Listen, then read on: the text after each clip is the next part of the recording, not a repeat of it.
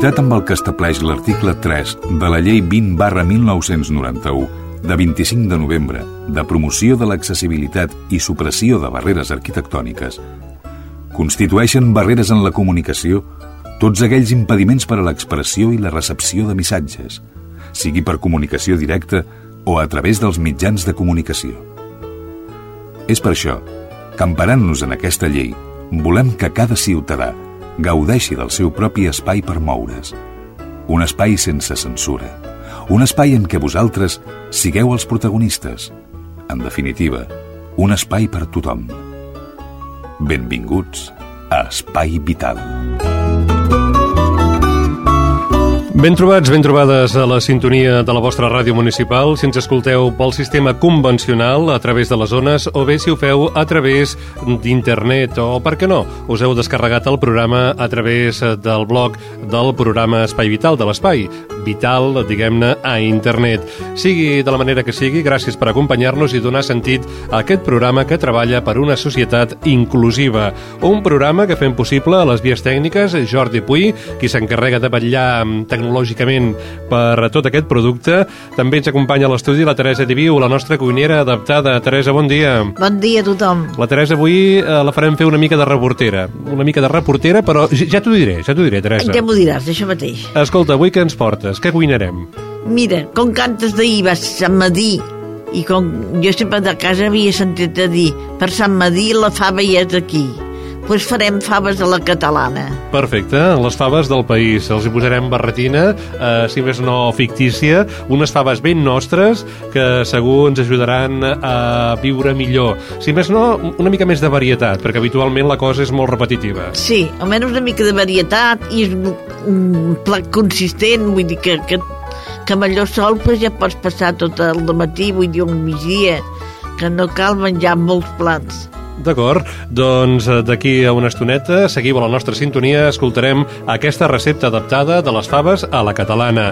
Ens acompanyarà l'Alfredo Ángel Cano, Alfredi Cano, amb el seu espai El Cercador. En Xavi Casas, com sempre, ens inspira, il·lumina i ens acompanya a través de l'èter o allà on sigui, allà on faci falta. Un servidor, Jordi Jorba, intentarà lidiar amb tota aquesta gent per a fer possible, segur que sí, un bon programa que, per cert, comptarà amb les col·laboracions de companyes i companys de les ràdios municipals que coprodueixen aquest programa. Són, recordem-ho, Ripollet Ràdio, per cert, on registrem una ràdio adaptada, Cerdanyola Ràdio, Ràdio Barberà, Ràdio Santa Perpètua, Ràdio Sabadell i Montcada Ràdio. Presentem els continguts d'avui. D'aquí a no res entrevistarem a Mercè Sancho. Ella és responsable de comunicació de la Fundació Esclerosi Múltiple. El cap de setmana, divendres i dissabte, es durà a terme arreu del país la iniciativa Una poma per la vida. La Mercè ens explicarà de què aquesta iniciativa i com podem participar-hi. També tindrem una entrevista que ens ha facilitat la companya d'informatius de Cerdanyola Ràdio, Rosa Morante, amb Àngels Ortega. És directora psicopedagògica pedagògica del grup Catalònia. Ens farà 5 cèntims d'un conveni que ha signat aquest grup amb l'Ajuntament de Cerdanyola per a potenciar, diguéssim, teràpies amb animals, teràpies que evidentment serveixen per millorar la qualitat de vida de persones discapacitades. Tindrem la roda comarcal, tindrem les aportacions que feu o que fan els companys i companyes que coprodueixen aquest programa. Però abans de començar m'agradaria fer una reflexió, Teresa. Eh, saps que aquesta setmana, dic setmana perquè aquest programa s'emet diversos diversos dies a les diverses ràdios celebrem el Dia Internacional de les Dones, el 8 Sí, de març. sí. Doncs bé, el COCARMI, que és el Comitè Català de Representants de Persones amb Discapacitat, ens ha fet arribar un document on parla de la doble discriminació que pateixen les dones amb discapacitat. Diuen així, encara avui les dones continuem sent o continuen sent discriminades pel simple fet de ser dones, especialment en l'accés a l'educació, al mercat laboral i en l'equiparació salarial. Aquest fet s'agreuja en el cas de les dones amb discapacitat, doblement discriminades pel fet de ser dones i tenir una discapacitat. Un estudi recent ha posat de manifest com el percentatge de joves amb discapacitat amb estudis professionals de grau superior i universitari és de només el 6%, enfront del 16,2% del conjunt de joves espanyols. En el cas de les dones, la xifra encara és inferior. Pel que fa a les dades en relació a l'ocupació, la taxa d'activitat és baixa i es calcula que només el 25% 100% de les dones amb discapacitat treballen.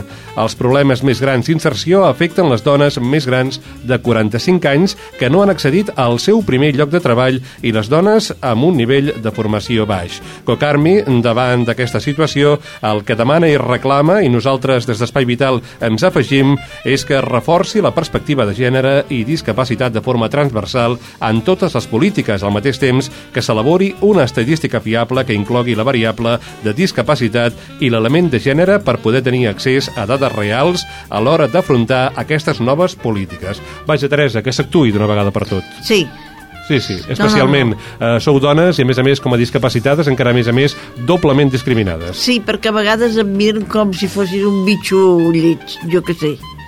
Ja no hi ha tanta... El jovent no tant, eh?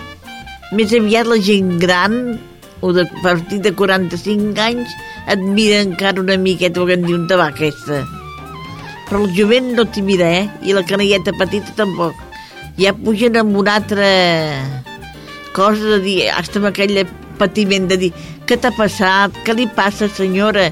Allò petits de 4 i 5 anys, eh? Doncs d'acord, ens agrada que la societat canvi, que canvi Sí. aquesta perspectiva, que Sí. siguem gent amb amplitud de mires i acceptem a tothom. Per això treballem aquí, a l'Espai Vital, aportant el nostre petit granet d'arena per fer una societat inclusiva de veritat. I ens sumem eh, totalment a aquest manifest de Cocarmi, que per cert penjarem al nostre blog, al blog de l'Espai Vital.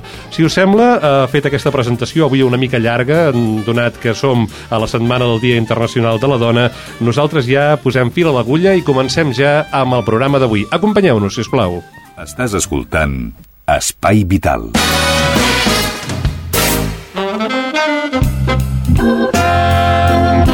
Els propers dies 12 i 13 de març, la Fundació Esclerosi Múltiple, en col·laboració i en sinergia total amb Conti Supermercats, organitza la campanya Una poma per la vida.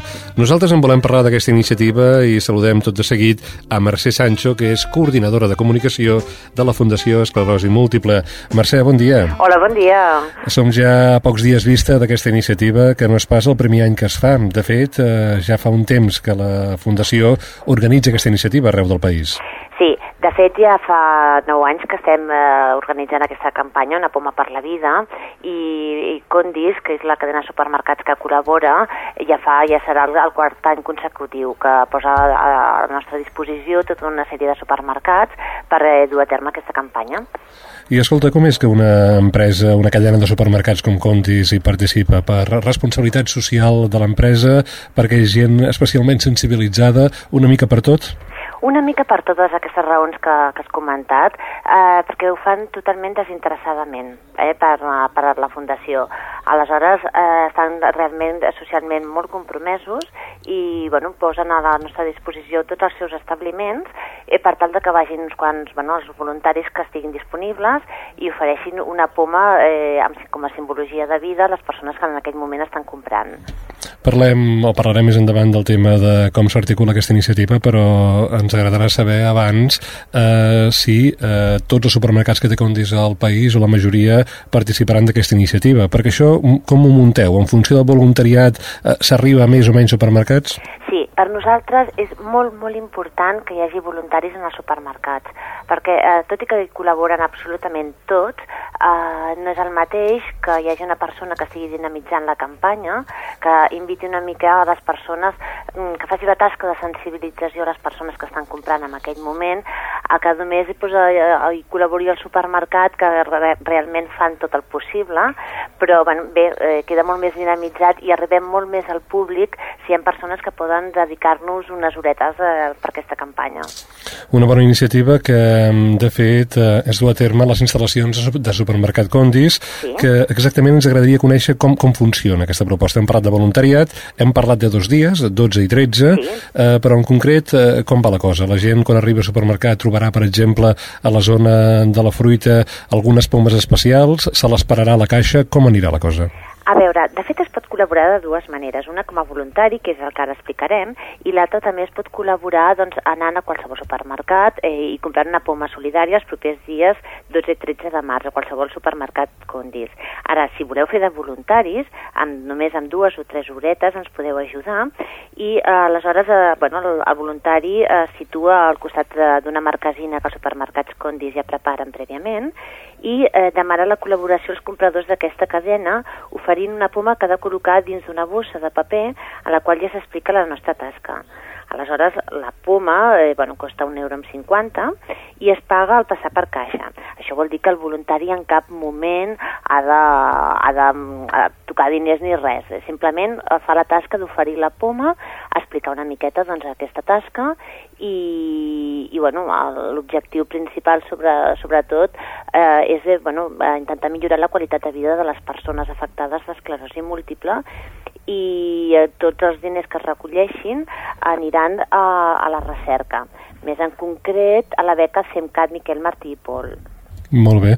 Escolta, eh, parlaves de la necessitat que hi hagi voluntariat, eh, que sens dubte la presència de persones eh, sensibilitzades pel tema de l'esclerosi múltiple ajuda i molt a millorar el resultat d'aquesta iniciativa. Què hem de fer per fer-nos voluntaris voluntàries? Uh, sisplau, doncs és molt fàcil.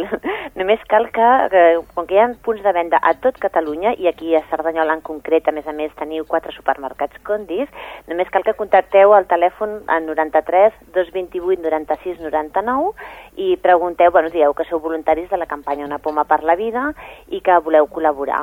Eh, de fet, la tasca és molt senzilla i només en dues o tres horetes ens podeu ajudar molt. Molt bé.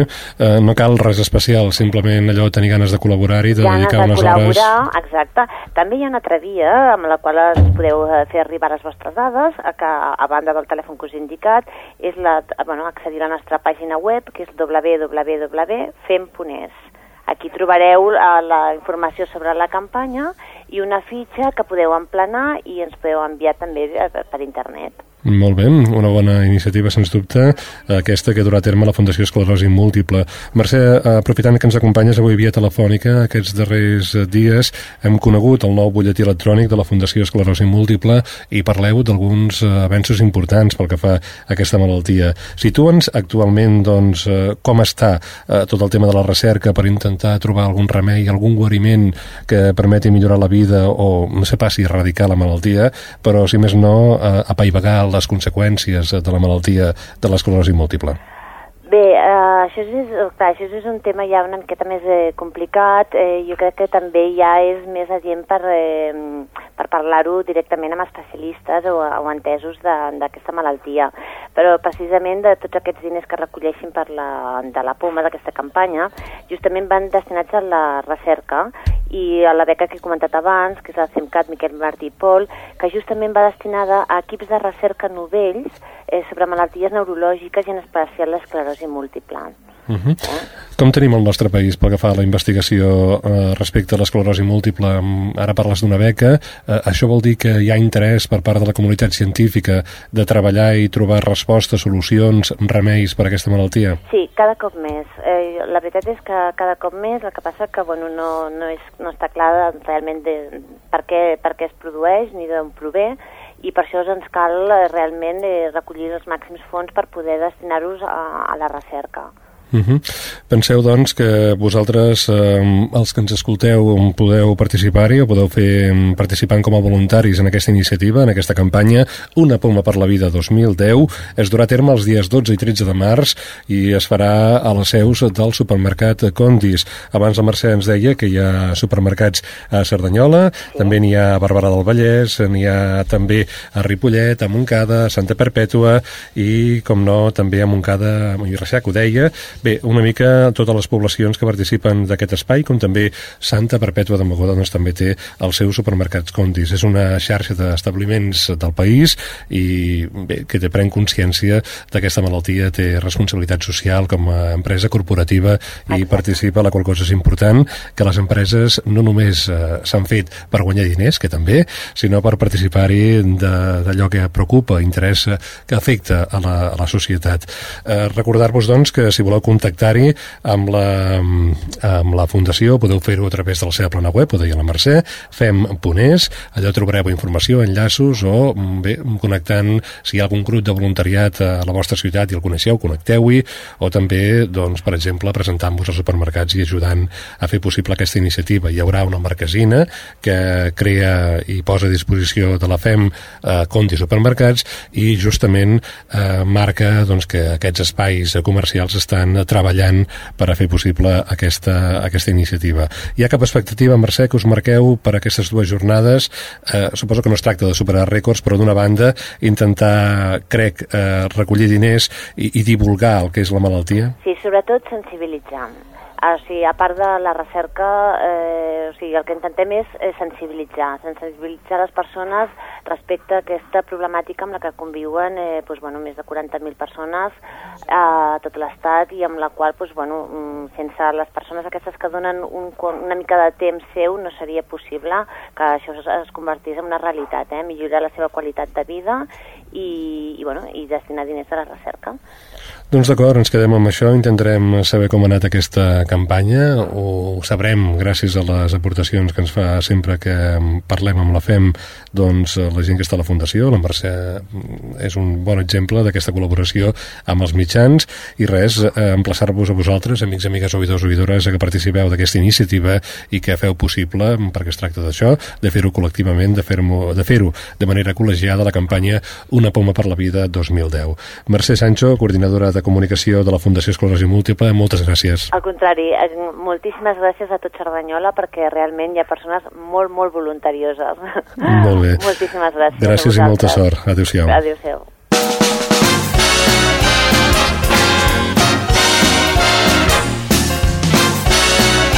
Espai Vital, el primer programa adaptat de les zones. Us ho anunciava quan fèiem la presentació del programa d'avui, de l'edició d'avui de l'Espai Vital. Tenim una aportació que fa la companya Rosa Morante dels serveis informatius de Cerdanyola Ràdio. En concret, es tracta d'una entrevista a Àngels Ortega. És directora psicopedagògica del grup en Catalònia. I de què parlen? Doncs justament d'un conveni que ha signat aquest grup amb l'Ajuntament de Cerdanyola que permetrà implementar l'activitat teràpia assistida amb animals. Rosa, quan vulguis. L'Ajuntament de Cerdanyola i la Fundació Privada Pro Persones eh, amb Disminució Psíquica a Catalunya han signat un conveni de col·laboració per a la implementació de l'activitat teràpia assistida amb animals. Per parlar d'aquest projecte tenim a l'altra banda del fil telefònic a Àngels Ortega, que és directora psicopedagògica del grup Catalunya. Molt bon dia, Àngels. Hola, bon dia. Doncs eh, com valoreu la signatura d'aquest conveni? Home, per nosaltres ha estat fantàstica. És una activitat que nosaltres bueno, la tenim inclosa dintre del pla d'activitats pels usuaris que viuen a les nostres residències i el fet de que l'Ajuntament ens ajudi amb, amb, justament amb el pagament d'aquesta activitat ens ha anat molt bé, perquè a part dona moltíssimes oportunitats per les persones que hi resideixen. En què consisteix aquesta activitat? Mira, aquesta activitat nosaltres la fem amb, un, amb una entitat que és l'Associació Catalana de Zooteràpia, que, bé, ells el que fan és venen aquí a casa nostra amb uns animals, després t'explico una mica com ha anat això dels animals, amb la intenció de poder estar amb els nostres nois i, i, bueno, i treballar amb ells. En principi, mm, la idea estava pensada com si fos una activitat terapèutica, vol dir, eh, amb la intenció de fer teràpia. Però en realitat, si vols que digui la veritat, ens hem adonat que l'activitat en si mateixa, només el fet d'estar amb els animals i de passar-s'ho bé, és terapèutic en si mateix. Llavors, en l'actualitat, doncs, el que fan és venen, eh, venen amb els gossos, fem eh, uns grups de quatre o sis nois i el zooterapeuta, que és la persona que porta l'animal, i els monitors de la nostra organització acompanyen en l'activitat. L'activitat en principi té una part que és una part guiada, amb uns objectius clars, cada noi, amb cada persona es treballa una cosa concreta, doncs problemes de comunicació, problemes d'aïllament social, problemes de mobilitat, però per una altra banda després hi ha un espai que és obert, és lúdic, és només perquè s'ho passin bé. I aquí és on nosaltres no preveiem a priori què és el que passarà. I això ens ha donat, la veritat, una vidilla dintre de la residència que, que la veritat és que jo convido a tothom a que ho vingui a veure perquè és fantàstic. Quants, eh, quants anys fa que es fa aquesta, aquest tipus d'activitats? Mira, la vàrem començar el 2007, però la vàrem començar una mica aviam què passava, perquè no teníem clar que l'activitat com a tal, tot i que el, el fet de treballar amb animals, amb persones amb discapacitat, no sigui una cosa nova d'ara, que vull dir que ja fa bastant temps que es treballa, però clar, havíem d'organitzar-ho dintre la residència i no sé, tothom que conegui una mica el món residencial sabrà que és bastant, com et diria, com, com bastant rutinari, no? Llavors, ubicar aquesta activitat dintre i de més ens semblava que, bueno, que, que no seria que, que seria complicat. El cas és que vam començar i, escolta, em va anar perfecte. I l'any passat, el 2008, ja ho vam fer més establement. I, definitivament, aquest any 2009, el que vàrem fer va ser establir grups concrets, que aquests grups fossin grups estables, tot i que també deixem uns quants, uns quants nois que poden participar de l'activitat també en funció de la seva iniciativa. O sigui que, de fet, eh, de manera així rigorosa, jo diria 2008-2009 és, ha sigut el nostre inici. Mm, mm, quins diries, doncs, que són els principals beneficis d'aquest tipus de teràpies? Doncs mira, no voldria caure amb allò de dir que guanyem qualitat de vida, perquè el fet de guanyar qualitat de vida es cristal·litza en coses concretes, però jo diria que les persones que participen són molt més feliços, tenen l'oportunitat d'interaccionar uh, amb, amb un animal. Pensa que l'animal, o sigui, fa de pont entre el monitor i el noi, que quan moltes vegades hi ha problemes de relació, etc, ostres, la veritat és que és, és, és, és com molt tendre, no? Eh, jo penso que, que des de que fem aquesta activitat hi ha nois que veritablement estan molt millor. Uh, com a beneficis, eh, només veure que en el moment de, de l'activitat és un moment on, on els nois estan contents i somriuen, jo per nosaltres jo penso que és, és perfecte, és que què més volem? Mm, quantes persones han pogut beneficiar fins ara d'aquest tipus de teràpies? Ara comentaves que el 2009 vau establir uns grups més concrets. Van adreçades a algun tipus d'intern concret o, o no? Com, com ho feu, això? Sí, sí. Mm, vull dir, és que de fet l'establiment dels grups també és una mica fruit d'aquella feina que vam fer l'any anterior. Uh, en aquests moments hi participen 92 persones en aquesta activitat. Mm, bueno, suposo que, no sé si ho sabeu, però ja us ho explico, les persones amb discapacitat intel·lectual, sobretot els que tenem nosaltres en àmbit residencial, eh, no només tenen una discapacitat intel·lectual, sovint tenen altres patologies associades, dificultats motrius, problemes d'aïllament social, fins i tot algun trastorn de conducta lleu. Clar, són, són altres eh, circumstàncies que d'alguna manera perjudiquen encara més la pròpia discapacitat intel·lectual, el que vol dir que la seva manera de relacionar-se amb l'entorn és complicadeta, per dir-ho d'alguna forma. Llavors, eh, i ara no sé què em preguntaves. Doncs sí, comentàvem uh, uh, quantes persones beneficiava això, i com fèieu per establir aquests això, grups això. més concrets. Pues, llavors, eh, el que vàrem fer va ser establir grups amb activitats diferenciades eh, en funció de les característiques de les persones, és a dir, persones amb discapacitat intel·lectual sense dificultats motrius, doncs llavors fan un tipus d'activitat concreta. Persones amb discapacitat intel·lectual però que a part tenen un problema o amb discapacitats motrius greus, vull dir, persones amb cadira de rodes que no es poden moure, doncs vam establir altres activitats. Fins i tot els animals que fem servir per una activitat i per una altra són diferents. És a dir, per exemple, amb persones que es mouen, fins i tot problemes que, persones que tenen problemes de relació, d'aïllament social, eh, comportaments semblants als autístics, no? que no necessàriament han de ser autistes, però saps aquelles persones que es veuen com molt aïllades de l'entorn, etc. Pues, per exemple, amb aquests, si no tenen problemes de mobilitat, pues, fem servir els gossos, uns, un, uns gossos grans que són fantàstics i que estan superben entrenats. Però amb les persones amb problemes de mobilitat, pues, fem servir dos conillets. Eh, bueno, l'excusa és una mica crear aquest espai de benestar i d'intercanvi amb algú que tens molt a prop i que a part respon exactament a les ordres de, del, del, del zooterapeuta. Eh, comentaves els animals, eh, quants tipus d'animals diferents eh, s'utilitzen, entre cometes, amb aquestes teràpies? Nosaltres en les nostres, eh? Havíem fet, mm, feia molt temps havíem treballat amb cavalls i tal, que passa que com a activitat a nosaltres ens resultava una mica més complicada. Però a data d'avui estem treballant amb gossos i amb conills. Els gossos, eh, bueno, els, eh, bàsicament um, treballem amb gos quan la persona no té problemes de mobilitat I amb els conills treballem amb persones amb problemes de mobilitat i també amb persones amb, amb, molt, amb molt aïllament social. Però bueno, en realitat els, els animals es van una mica intercanviant al llarg de la sessió, també en funció de les, dels interessos dels propis nois i dels propis usuaris. Eh, teniu, Àngels, altres eh, activitats, altres projectes eh, que puguin ser susceptibles de, de ser mm, beneficiats per, per un conveni d'aquestes característiques o... Oh, i tant. I tant totes. quins, quins serien? Totes, totes. Mira, eh, jo diria que la nostra organització en aquests moments està en un moment, jo penso que vam passar un procés de canvi i ara estem en un moment de, de creixement, de creixement sobretot en, en el model d'atenció. Hem intentat al llarg d'aquests últims anys ampliar el número d'activitats que poden fer les persones que viuen en una residència. Llavors, en aquí, si vols que digui la veritat, podríem començar. Mira, per exemple, la teràpia assistida en animals la fem dintre de l'àrea d'estimulació multisensorial. L'àrea d'estimulació multisensorial per les persones que treballen amb discapacitats, pues, mira, jo què sé, et podria dir, uh, l'any passat vam muntar una aula d'estimulació multisensorial segurament en muntarem una altra. Eh, per exemple, en aquesta àrea, però després tenim, també tenim diversos projectes dintre de l'àrea d'esport, eh, tenim diversos projectes molt xulos dintre de l'àrea de creativitat, no sé, et podria donar la tira d'exemples, però i tant, i tant, i la nostra intenció és continuar col·laborant amb l'Ajuntament en aquest sentit, o que l'Ajuntament col·labori amb nosaltres, no sé ben bé com, com, com dir-t'ho.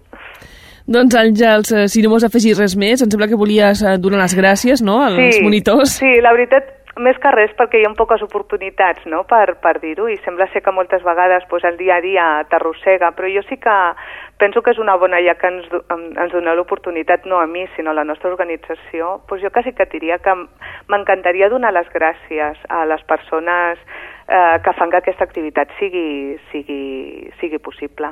El fet de que hi hagin persones implicades que estan al costat del noi constantment, que saben què és el que necessiten, etc., per nosaltres és, és fonamental. I jo penso que aquesta activitat pues la veritat és que no hagués sigut possible de no haver sigut per la seva col·laboració. I després també agrair a les zooterapeutes, que són les, les persones de l'Associació Catalana de Zooteràpia, a la, a la AVE i a l'ANA, perquè la veritat ha sigut com una mena d'aire fresc a dintre de l'organització.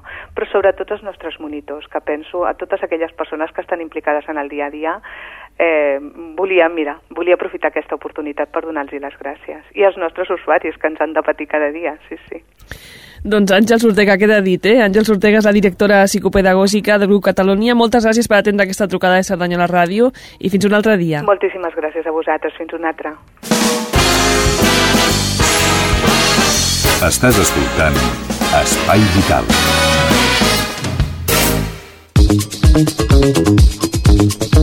Ara el que toca és posar-nos una mica actius i marxar a fer un tom per la comarca, si més no per les poblacions que fan costat aquest programa i les seves ràdios, evidentment. En recordem que són Cerdanyola Ràdio, Ràdio Barberà, Ràdio Santa Perpètua, Ràdio Sabadell, Montcada Ràdio i la casa que ens acull, on enregistrem l'Espai Vital, Ripollet Ràdio. Justament el que farem serà començar per la casa on som, per Ripollet en Ràdio. Francina Ricard, redactora dels serveis informatius d'aquesta emissora, ens explica, ens comenta que l'Ajuntament de Ripollet ha cedit un local a Càritas. Bona tarda. Des de Ripollet us volem explicar que el passat dijous 4 de març el bisbe de Terrassa, Josep Àngel Saiz Meneses, va beneir el nou local amb què compta l'entitat Càritas a Ripollet, situat al carrer de Montcada 67. Es tracta de l'antic ambulatori que Cap Salut ha cedit a l'Ajuntament per poder-lo traspassar a Càritas. La reforma de l'espai s'ha realitzat a través d'un taller d'ocupació del Patronat Municipal d'Ocupació de l'Ajuntament de Ripollet. Durant l'acte, tant els responsables de Càritas com del propi Ajuntament es van mostrar molt satisfets pel resultat final de la reforma, així com la bona entesa des del principi a l'hora de buscar una nova ubicació per l'entitat local. Per la seva part, el bisbe Josep Àngel Saiz va declarar que el cas de Ripollet és un exemple de treball en equip que s'ha de donar a conèixer d'altres municipis. L'espai està dividit en dues zones principals. L'entrada compta amb una sala d'espera i l'accés a dues sales de reunions, una ocupada per un treballador social que un cop a la setmana visita l'entitat i l'altra que es dedicarà a fer formació per als grups de mares i un servei de canguratge durant les formacions. La segona part és el magatzem pròpiament dit, dividit en diferents parts, per tal de mantenir els aliments secs, frescos, congelats i els productes de neteja separats de forma correcta. Finalment, també s'ha habilitat una petita sala amb la funció de guarda-roba on es faran els lots de roba només per als nens petits. Una de les novetats principals del nou local, a part de l'augment de l'espai del magatzem, és que a partir d'ara també podran tenir productes congelats. I això és tot des de Ripollet Ràdio. Una bona notícia des de Ripollet Ràdio que volem comentar amb la Teresa Diviu, perquè la Teresa hi era present aquell sí, dia. Sí, vaig estar present, sí, em va fer il·lusió perquè, no sé, pues, hi ha gent que està molt malament ara, pues, una cosa així entre tot, entre l'església i, l'Ajuntament, pues, està molt bé, eh? molt. Uh -huh. uh, Teresa, tu segurament coneixies, uh, diguéssim, el local, perquè abans Sí, era l'ambulatori, ja ho deia la. Francina. Sí, uh, aquesta sí. reforma, co- com ha quedat l'espai? Pues jo el que vaig veure, no vaig veure gaire bé perquè anava en cadira. Molta gent que hi havia. Vull dir, van fer molts departaments, cosa per, esclar, per la roba, per la canalla, i esclar perquè no es barregi el menjar amb la, lo de la neteja, perquè la gent pues, que de, pues, són pobres però també han de netejar, pues, trobo que està bé. I després una sala també a l'entrar molt gran, pues, mira si van la cana a buscar amb la, amb la canalla, amb el cotxet, tenen puesto per posar-s'hi. No, no, està molt bé. I, I les coordinadores de Càritas ja les conec totes i són molt bona gent. D'acord, Càritas, eh, una ONG doncs, que treballa a Ripollet però també ho fa a totes les poblacions. Sí. Una gran feina la que es fa des de Càritas i d'altres entitats, eh, plataformes eh, vinculades amb esglésies o no. Eh, és una mostra de que som solidaris i solidàries i ajudem a les persones que no tenen.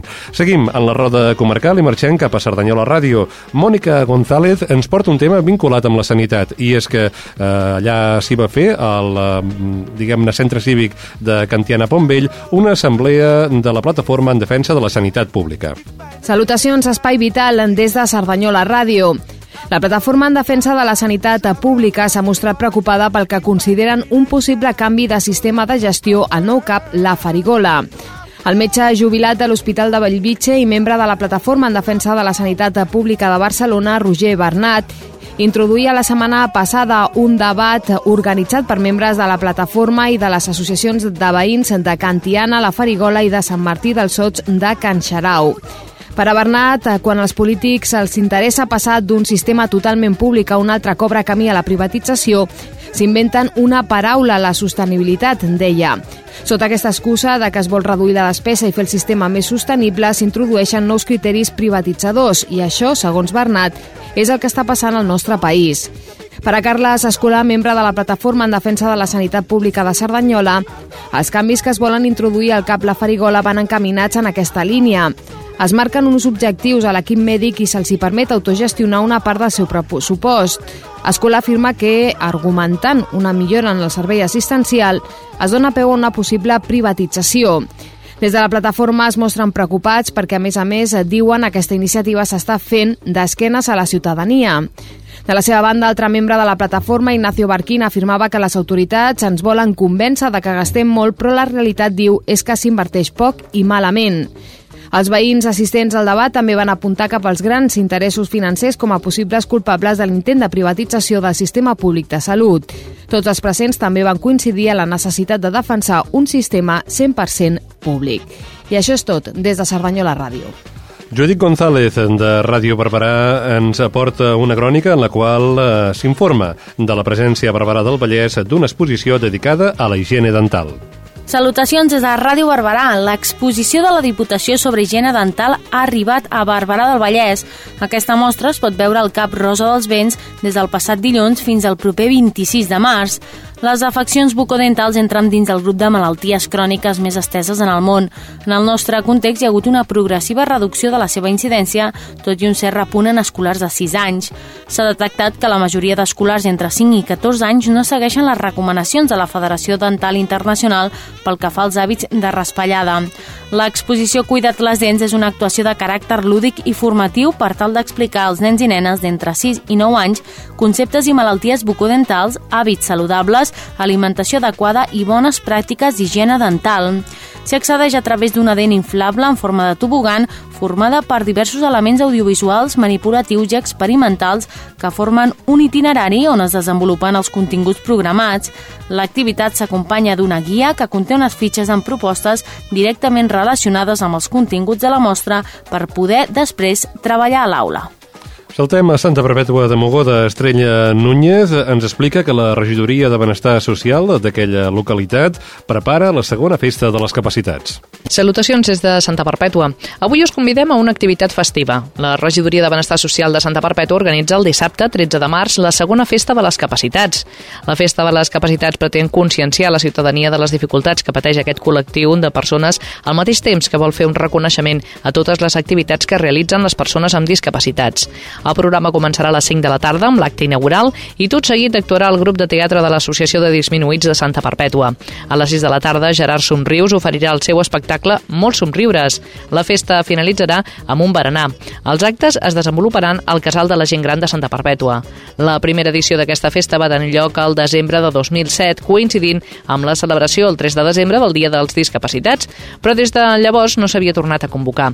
En la publicació editada per l'Ajuntament per a la segona edició de la Festa de les Capacitats s'inclou un decàleg de demandes que van des de garantir una atenció sanitària especialitzada i individual de qualitat a una formació integradora, unes polítiques de mobilitat i habitatge que facilitin l'autonomia de les persones discapacitades, així com la garantia també d'accés al mercat de treball fins a que les persones amb discapacitat greu rebin les prestacions econòmiques suficients. També reclama que els organismes públics vetllin perquè les lleis es compleixin realment i deixin de ser graciables o limitatives per disponibilitats pressupostàries. La segona festa de les capacitats de Santa Perpètua tindrà lloc dissabte 13 de març al Casal de la Gent Gran situat a la plaça de Miquel Martí i Pol. Saltem a Sabadell, allà ens hi espera Laura Díaz dels serveis informatius de Ràdio Sabadell i ens explica que s'ha signat un conveni entre el Parc Taulí i el Ministeri de Defensa per garantir un sistema d'atenció, eh, diguem-ne, telemàtica als soldats desplaçats arreu, un sistema de telemedicina. Salutacions des de Sabadell. Ja és oficial el conveni entre la Corporació Sanitària Parc Taulí i el Ministeri de Defensa espanyol per l'explotació del Montsurin, un sistema de telemedicina que permetrà donar un millor servei assistencial als 3.000 soldats espanyols que es troben desplaçats a diferents indrets del món. La setmana passada, la ministra de Defensa, Carme Chacón, va visitar les instal·lacions de l'Hospital de Sabadell per signar aquest acord de col·laboració. Chacón va destacar la importància de les noves tecnologies en l'àmbit sanitari. La implantació d'aquestes noves tecnologies tecnologies a través dels nous sistemes d'informació sanitària i les aplicacions de la telemedicina ens permeten avui atendre a persones que es troben a una immensa distància dels nostres hospitals, dels nostres centres mèdics.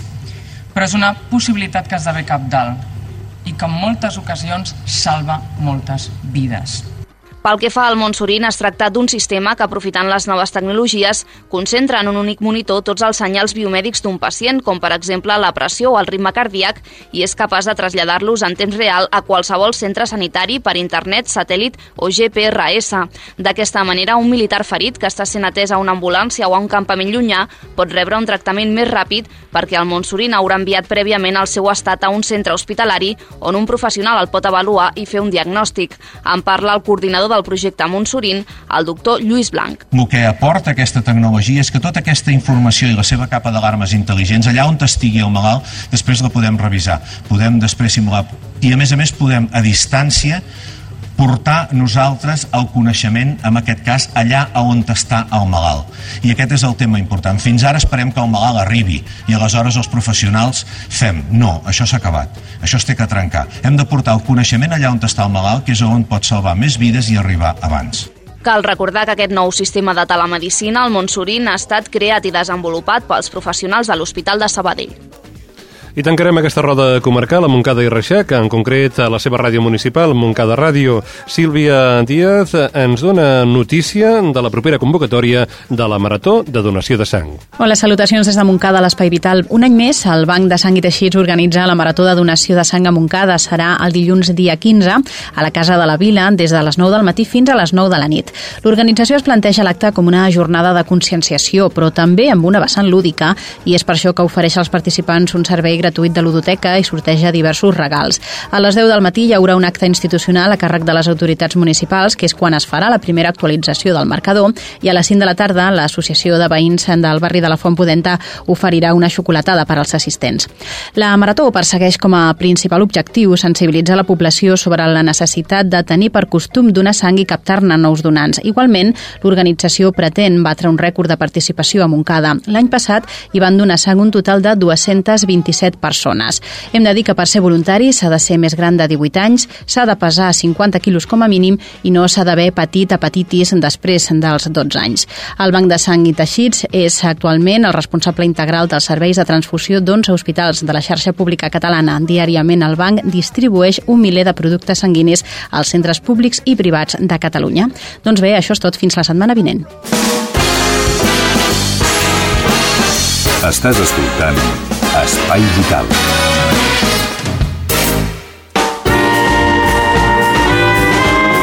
És el torn de saber què passa a la xarxa. En Xavi Casas és qui s'encarrega del manteniment del blog de l'Espai Vital i té una persona, bé, moltes persones que el miren aquest blog, però n'hi ha una que ho fa amb una especial dedicació, amb una especial, especial fins i tot fruició. És el, el nostre Alfredo Ángel Cano, el cercador. Ell s'encarrega de veure què interessa, què troba més interessant per portar-ho setmana rere setmana al programa. Avui el tenim congelat. En Jordi Puy, que té una vareta màgica, l'ha desconegut descongelat, l'ha deixat ben a punt i l'escoltem tot de seguit.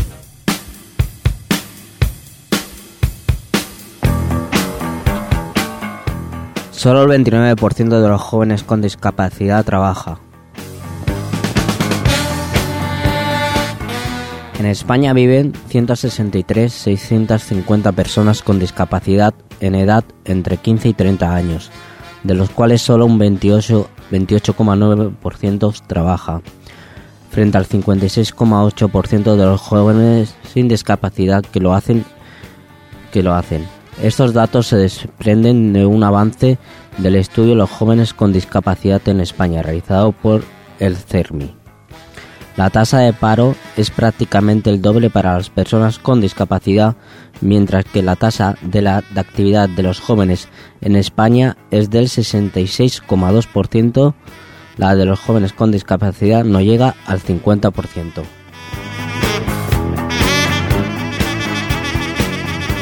La, osteoporosis será una de las enfermedades crónicas más incisivas del siglo XXI.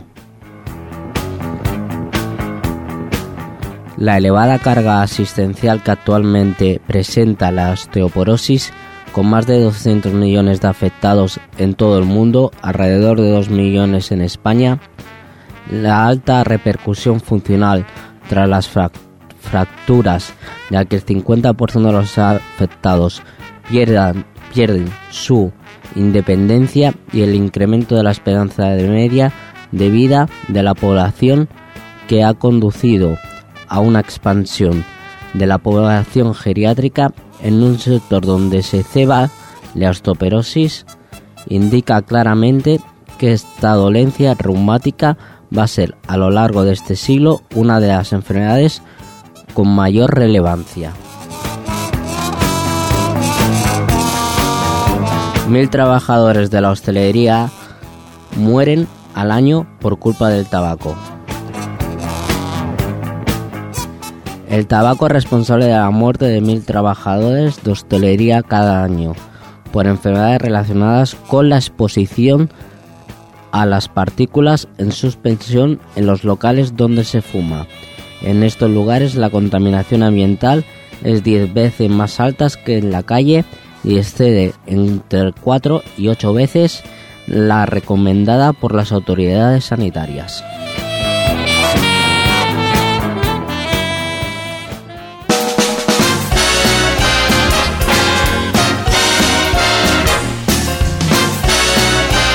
Espai Vital, el primer programa adaptat de les zones.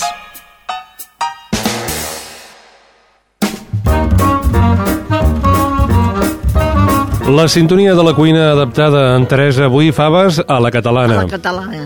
Unes faves que hauran de pelar o no?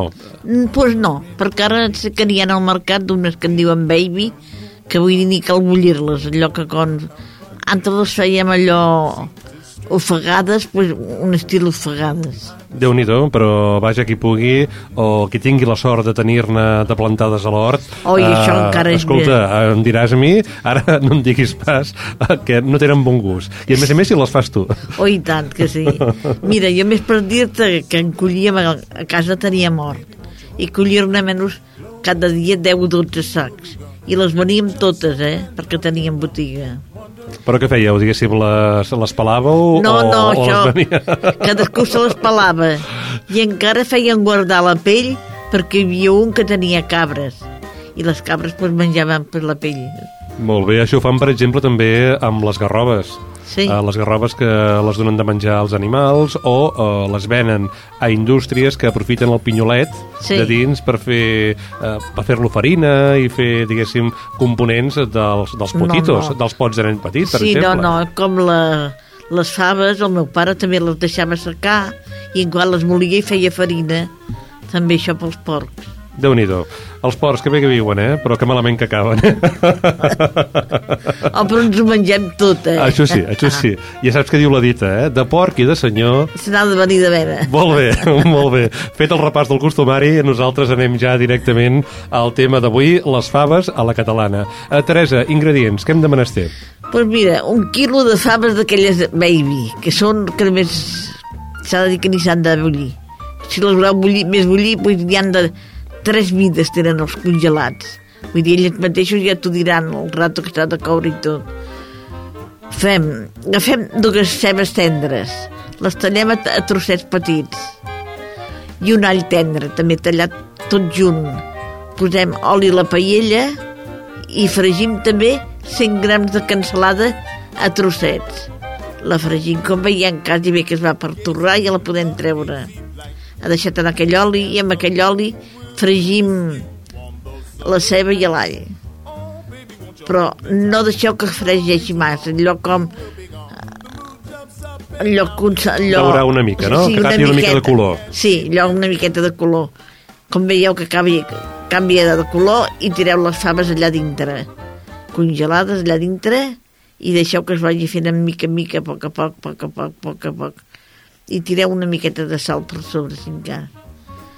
Que es vagi fent. Com veieu que està que quasi bé ja estan. Si veieu que, que queden massa seques hi podeu posar-hi també una miqueta d'aigua. I també ja hi tireu també la cansalada que heu fregit per allà sobre. I poseu també doncs sou quatre persones doncs mira, quatre talls de, de botifarra negra i quatre talls de botifarra blanca.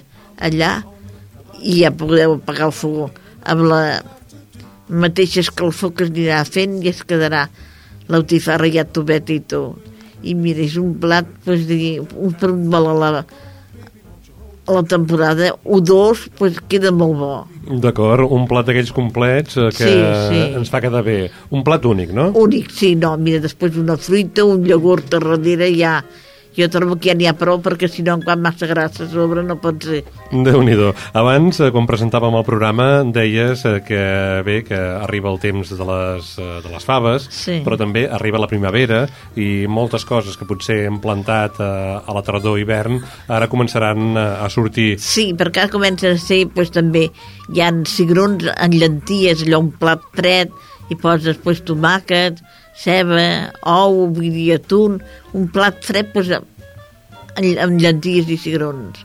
Perquè una cosa que sí que mm, passa avui en dia, i una mica recollim el que tu dius molt sovint, d'aprofitar-nos dels avantatges de l'actualitat, és que eh, fem eh, menjar amb coses que trobem al supermercat, els congelats on sigui. Sí. Suposo que és bàsic, Teresa, intentar trobar un equilibri, eh, intentar trobar doncs, que hi hagi una mica de verd, que hi hagi una mica de, de llegum, que hi hagi Sí. una mica de proteïna... Això sí. Jo no sé, sempre ho mirem, vull dir, mira, jo... Diuen, ja menges verdura?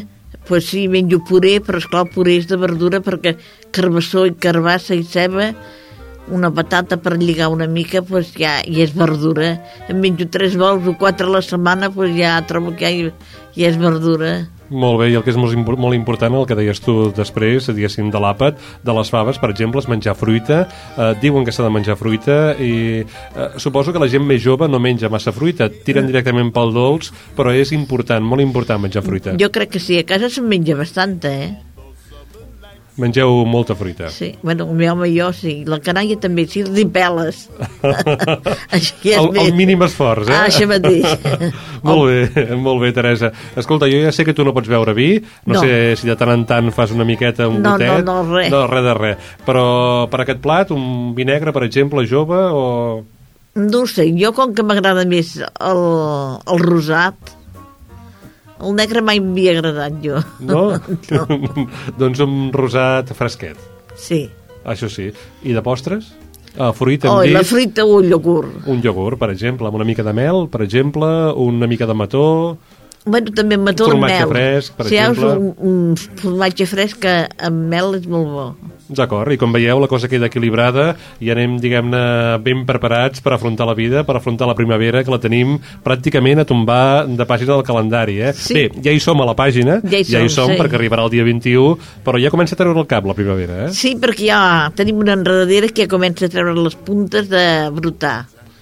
Que ja comença a brotar una enredadera, ja. Molt bé, doncs gràcies Teresa amb aquestes faves a la catalana, molt fàcils de fer, molt fàcils i que tipen, de veritat que tipen i deixeu Sí, estar doncs, de pizzas i coses que Sí, està bé de tant en tant, però vaja, anem directament al que ens interessa, que és un bon àpat equilibrat, fàcil de fer, adaptat i que sigui per un gust ampli. Nosaltres marxem, gràcies Teresa, gràcies també vosaltres. a l'Alfredo Ángel Cano, al Jordi Puy, al Xavier Casas i coordinant-ho tot un servidor, Jordi Jorba, a les companyes i companys de les ràdios municipals i a vosaltres, oïdors i oïdores de l'Espai Vital. La setmana vinent reincidirem, ja avisem que hi tornarem. Esperem que vosaltres hi sigueu tots i totes. Marxem amb una cançó d'en Quimi Portet, una cançó dedicada a Sabadell. Adéu-siau. Hi ha dones nues a Sabadell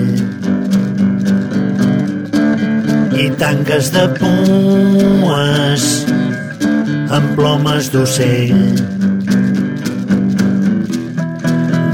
divorciats pensidets fan cerimònies a déus baratets teràpies naturals amb energies i meridians.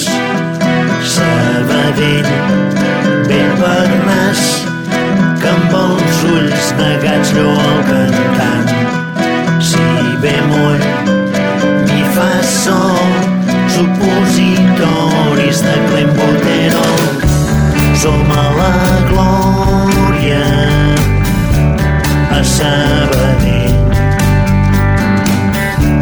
Piscines florides, nedadors marcells.